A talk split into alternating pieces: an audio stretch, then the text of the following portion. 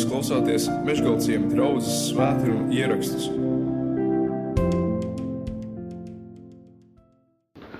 Šī gada izaicinājums mums bija uh, mācīties svētos rakstus no galvas, dažādus nelielus pantiņus. Esmu izvēlējies tādus, kas nav varbūt ļoti gari un, un grūti, bet kas uh, ir tādi, man liekas, svarīgi. Un, uh, man tas likās uh, būtiski, tāpēc, ka mēs ar vīriem arī mūsu vīru grupā lasījām pirmo psalmu, un pirmais psalms sākās ar to, ka svētīgs ir tas cilvēks, un otrajā pantā ir rakstīts, kurš savas domas saista pie Dieva vārda, kurš dienām un naktīm to pārdomā. Un tāpēc man likās, ka tas ir tik būtiski un svarīgi veidot tādu kopienu, kas mācās šos svētos rakstus no galvas. Man jāsaka, ka uz šo brīdi 27 cilvēki ir tādi, kas ir pievienojušies, ja, kas katru nedēļu saņem šo vienu pantiņu, lai to mācītos no galvas. Un es arī katru dienu, katru vakaru, kad sanākam ar savu ģimeni kopā, mēs cits citam palīdzam šos pantiņus atkārtot. Kurš atcerās, kurš salma teksts mums bija šajā nedēļā jāmācās? Jā, 111. psalms, 10. pāns par gudrību. Ja? Par gudrību. Šis pāns runā par gudrību. Par gudrību un par gudrajiem. Un zvaigznes diena arī tieši par to runā. Ja? Un mēs nolasīsim jums arī ar grāmatzīmes bībelēs. Es nolasīšu no Mateja evaņģēlija otrās nodaļas sākumu. Mēs varam piecelties kājās, dot godu Dievu vārdam. Otrais pāns, pirmie 12, otrā nodaļa, pirmie 12 panti. Kad Jēzus bija piedzimis Betlēmē, Jūdas ķēniņa Heroda laikā redzi, gudri vīri no austrumu zemes atnāca uz Jeruzālemi un sacīja, kur ir jaundzimušais jūdu ķēniņš, jo mēs viņa zvaigzni redzējām austrumu zemē un atnācām viņu pielūgt. Kad ķēniņš Herods to dzirdēja, tad viņš izbijās un visa Jeruzāleme līdz ar viņu. Un saicinājis visus tautas augstos priesterus un rakstu mācītājus, viņš izzināja no tiem, kur Kristum būs piedzimt. Un tie viņam sacīja, Betlēmē, Jūdas zemē, jo tā raksta pravietis. Un tu, Betlēme, Jūdas zemē, tu nebūt neesi mazākā starp Jūdas cilts kungiem, jo no tevis nāks valdnieks, kas ganīs manu Izrēla tautu. Tad Herods paslepens aicināja gudros, sīki iztaujāja tiem par zvaigznes atspīdēšanas laiku, un viņš tos sūtīja uz Betlēmu un sacīja, Ejiet un ievāciet rūpīgi ziņas par to bērnu, un kad jūs viņu atradīsiet, tad paziņojiet to man, kā arī es aizēju un viņu pielūdzu. To no ķēniņa dzirdējuši tie aizgāja. Un redzi, zvaigzne, ko tie bija redzējuši austrumu zemē, gāja tiem pa priekšu un nostājās pār namu, kurā bija bērns. Un zvaigzni ieraudzījuši, tie priecājās ar varenu lielu prieku. Un namā iegājuši, tie ieraudzīja bērnu līdz ar Mariju, viņa māti, un tie nometās ceļos un viņu pielūdza. Tad tie atvēra savas mantas un dāvāja viņam zeltu, vīrāku un mirres, un sapnī saņēmuši norādījumu pie Heroda neatgriezties, tie aizgāja pa citu ceļu uz savu zemi. Tas ir Dieva vārds. Amen. Kungs palīdz mums tagad to saprast un, un saprast, ko tas nozīmē mums arī tiešām šodien. Jēzus vārdā. Āmen. Lūdzu, apsēdieties. Ja mēs skatāmies no Izraēlas zemes pozīcijām uz austrumu pusi, kas tad tās ir pa teritorijām, no kurienes šie gudrie vīri varēja nākt meklēt eh, Jēzus bērnu, nu, tad tā ir tā toreiz Persija, eh, kas eh, nu, šodienas izpratnē būtu Irāna, Irāka, tur tas reģions. Tātad no turienes šie gudrie ierodās Palestīnā. Uh, tradicionāli viņi, viņus mēs iztēlojamies kā trīs gudrus vīrus, bet nu šeit šajā tekstā nav teikts, cik viņu bija. Tas ir skaidrs, ka viņi bija vairāk kā viens, jo tāpēc, ka ir runāts daudz skaitlī, bet vai viņi bija divi, trīs vai pieci vai astoņi, to mēs tā nezinām. To var tikai tas pieņēmums nāk no tā, ka tās dāvanas bija trīs, ko viņi tur izpakoja uh, Jēzus bērnu priekšā. Bet skaidrs skaits tas nav, nav zināms. Visticamāk, ka tā bija pat tāda karavāna, jo toreiz, toreiz ceļoja ar lielākos pulkos, ar kalpiem un palīgiem. Šos vīrus sauc oriģināla valodā par magiem. Ja? Un, un viņi būtībā bija tādi izglītoti tā laika, nu, tādi izglītoti, inteliģenti cilvēki. Viņi bija izglītoti astronomijā, viņi bija izglītoti tādā, nu, kā teiksim, agrikultūrā. Ja? Tātad viss, kas saistījās ar debesu zīmēm, vai novērojumiem, vai būs sausums, vai būs plūdi un tādas tālāk lietas, kas attiektos uz ražu.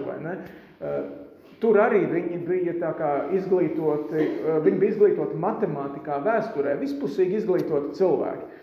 Un pēc Daniela grāmatas, jo Daniels arī bija izsūtījumā toreiz tur, tajā reģionā, Bābelē, ja, Babilonijā, pēc Daniela grāmatas spriežot šie magi, šie gudrie cilvēki, viņi arī tulkoja sapņus. Un, un tai, tai skaitā viņi bija arī politiski ietekmīgi cilvēki, jo vēsturnieki saka, ka bez šo uh, magu apstiprinājuma pat, uh, pat valdnieki netika iecelti ja, tajā laikā. Nu, lūk, šie gudrie, vispusīgi izglītotie cilvēki savā zemē pamana zvaigzni debesīs, tādu spožu objektu.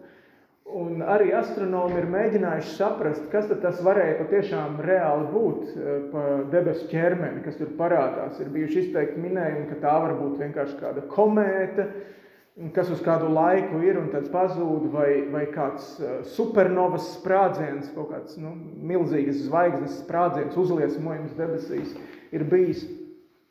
Uh, nu, visticamākais ir, ka tā ir planētu konjunkcija, kad planētas sastājās no mūsu Zemes skatoties nu, vienā virzienā, vienā strīpiņā, ja, un tad veido tādu uh, spožāku debesu uh, ķermeni. Uh, ja jūs atceraties, vēl tīri nesen, 2020. gadā, šķiet, tas bija, ka arī um, nostājās uh, Jupiters un Venēra.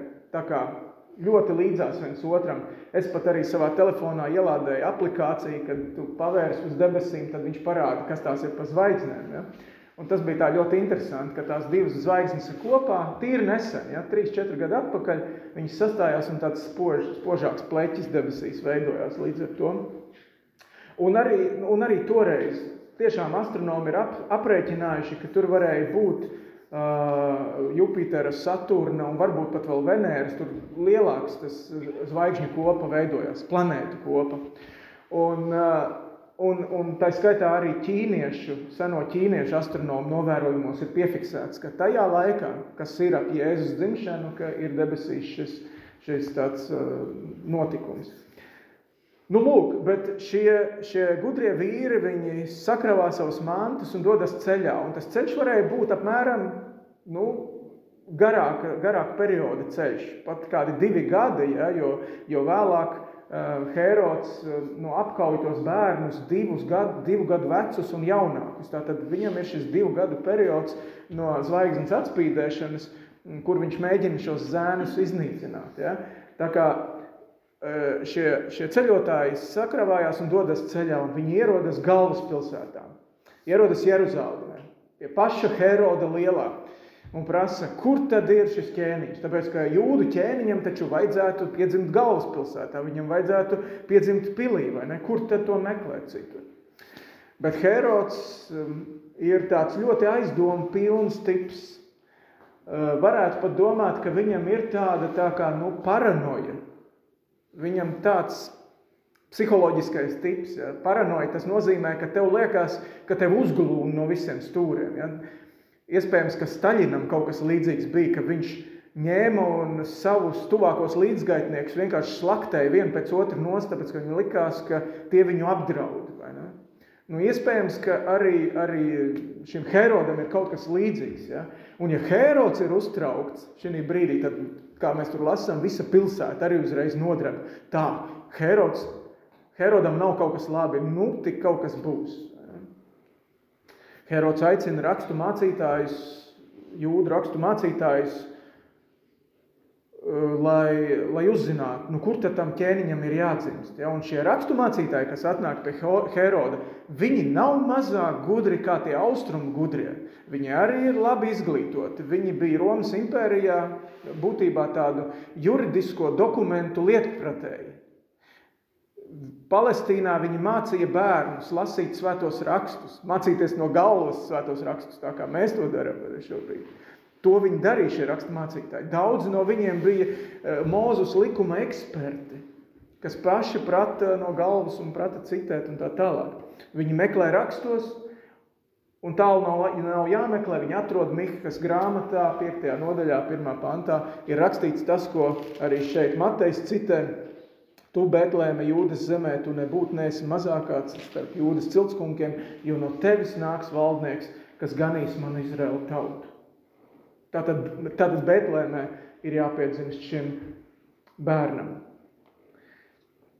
Un tagad, šī brīdī, gan tiem gudrajiem, gan Herodam,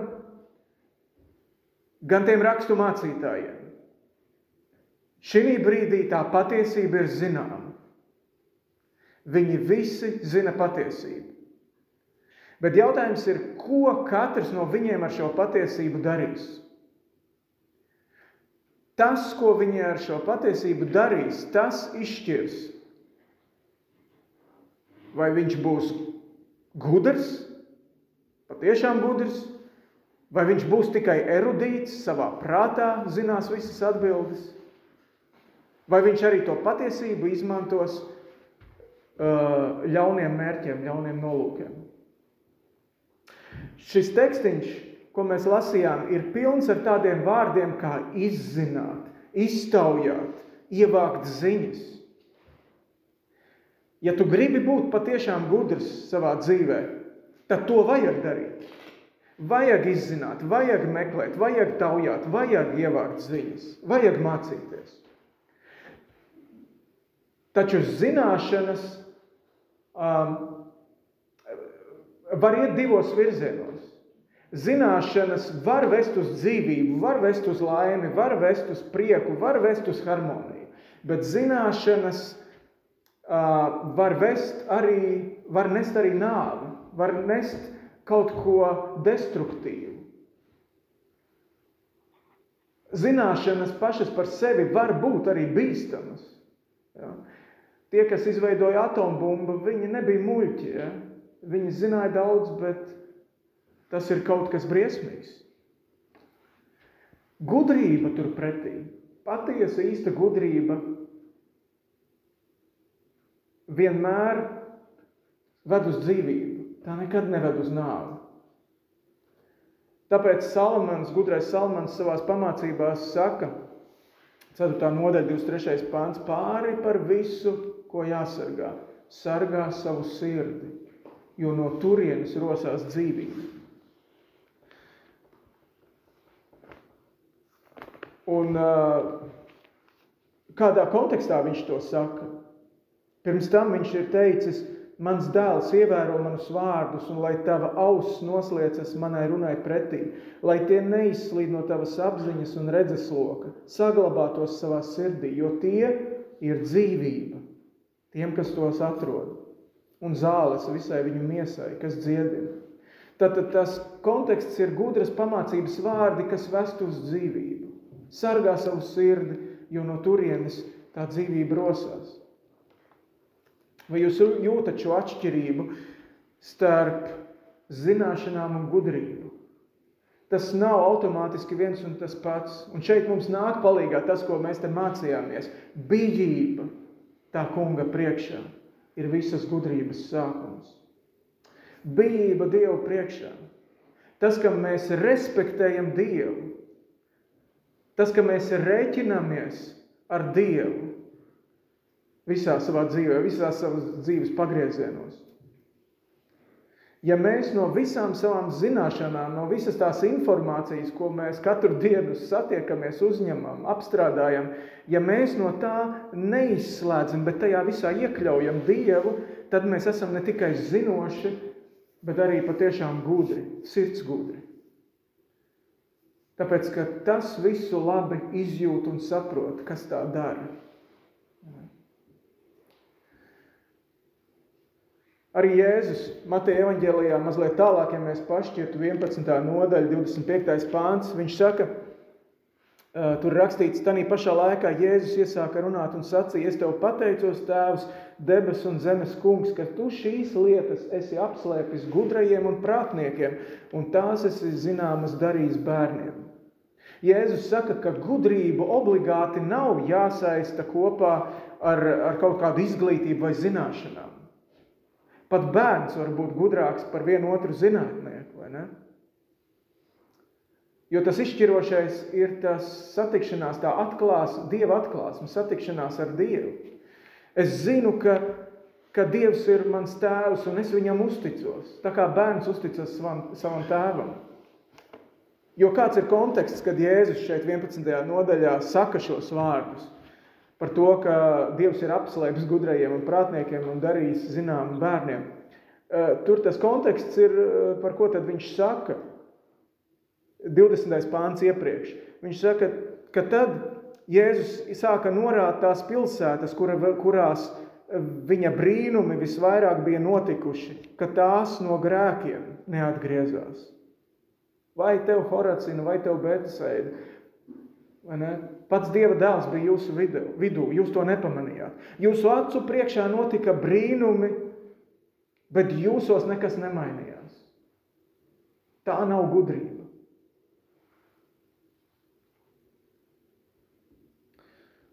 Pirmajā vēstulē korintiešiem, pirmā nodaļa, 20. pāns, apustulis Pāvils saka, Kur paliek gudrie, kur rakstu mācītāji, kur šīs pasaules vārdu meistari?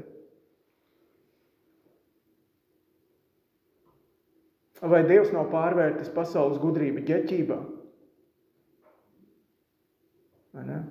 Filozofijas mēģina izskaidrot pasauli, mēģina izskaidrot grēku, glābšanu, bet to visu apējot Dievu, izslēdzot Dievu no tā ārā. Un lai cik labi tās dažreiz skan, un varbūt pat liekas, ka darbojas, tām tomēr ir kaut kādi limiti.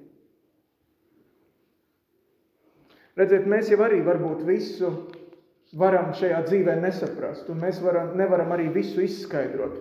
Kaut vai, piemēram, ciešanas, kāpēc kaut kādas ciešanas notiek jā, ar mums, kāpēc mums kaut kam grūtam ir jāiet cauri dzīvē. Mēs nevienmēr to varēsim saprast, ieraudzīt un izskaidrot, bet tomēr dzīvojot kopā ar Dievu, mēs, mēs, kā lai saka, mēs varam vismaz nojaust, ka tam ir kaut kāda jēga. Tam ir kaut kāda jēga, ka mēs šajā brīdī eju cauri. Redziet, gudri arī visu nesaprata tajā brīdī, kad viņi ieraudzīja zvaigzni un, un sāka vākties, savākties kopā, lai dotos ceļā. Viņi arī nesaprata visu. Un tomēr viņi spēra pirmo soli meklēšanas virzienā. Un viņi meklēja arī nepareizās vietās. Ja? Viņi aizgāja tur, kur tas bērns nemaz nebija. Viņi, viņi zaudēja laiku, varbūt, ja? bišķiņi pamaldīdamies kaut kur. Un tomēr tas neaturēja viņus ne, doties ceļā un meklēt. Lai nonāktu pie tā gala mērķa, un tas gala mērķis, ko mēs te lasām, ir, ka tajā namā iegājuši viņi nometās ceļos. Tā ir tā īstā gudrība. Pielūgsme. Šie magi maz ko saprata, es domāju, par jūdu mesiju. Vēl mazāk viņi kaut ko saprata par krustu, par augšām celšanos ja, un par tādām lietām. Bet viņi noslīga ceļos šī, šī, šī bērna priekšā, šī jaundzimušā ķēniņa priekšā. Un tā ir gudrība. Tā ir gudrība. Ja jūs kādreiz lasat internetā, piemēram, kādus rakstus, un pēc tam arī mēģināt lasīt kaut kādus komentārus, es to, man liekas, nu jau sen vairs nedaru, bet, bet šķiet, ka tur mēs ieraugam, ka, ka ir tik ļoti daudz gudro, kuram ir ko teikt par šiem jautājumiem, kuriem ir ko komentēt. Māju virtuves ir pilnas ar gudriniekiem. Par to, kā un ko vajadzētu darīt. Bet cik no viņiem ir kaut ko sākuši darīt? Cik no tiem komentētājiem ir sākuši lietot to, ko viņi domā, ka viņi zina? Daudzi mums, mēs arī droši vien mūsu līdzcilvēki zina, ka vajadzētu šajā gadā kaut ko uzsākt. Zina, ka šajā gadā vajadzētu kaut ko ierobežot un no kaut kā atteikties. Zina, ka vajadzētu kaut ko atmest vispār. Bet cik tā reāli sāk to darīt? Un cik tā reāli to turpina? Tāpēc, ka tā zināšana nenozīmē gudrību automātiski. Latvijā es domāju, ka ir diezgan daudz cilvēki, kas zina arī Bībeles stāstus, Bībeles patiesību. Bet saka, vēl jau nē, vēl nē, gan jau, gan jau es paspēšu meklēt un atrast. Tas nav gudri. Bijība Dievu priekšā ir visas gudrības sākums. Un bijība nav kaut kādas nu, paralizējošas bailes, jo mazāk es to dievu traucēšu, jo labāk. Bijība nav arī nu, tāda čomu būšana ar dievu, tādai labai laika pavadīšanai. Nu, ja kas, man jau tas dievs ir tepat, man, man jau tas dievs tāds. Mana pazīšana, man ir pazīšanās ar dievu. Arī tā nav bijība. Bijībai slāpst pēc satikšanās ar to, mm, kura zvaigzni tu redzi. Varbūt, ja? Tu neredzi vēl viņu pašu, tu nespēji viņu aptaustīt, tu, nespēji, tu neesi līdz viņam vēl nonācis, bet tu redzi zīmi. Un tad tev slāpst pēc tā iet un meklēt. Bijība meklē, bijība dodas ceļā, spēr pirmo soli. Un bijība nometas ceļos, mūsu vidu, vidū dzimušā Dieva dēla, Jēzus Kristus priekšā. Bijība ir sākums ceļam ar Dievu.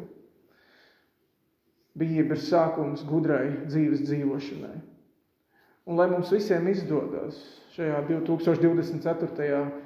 gadā spērt pirmo soli, izturēt, meklēt, atrast, būt ne tikai zinošiem, bet patiešām gudriem, noslīkstot uz ceļiem dzīvot Dievu priekšā. Āmen!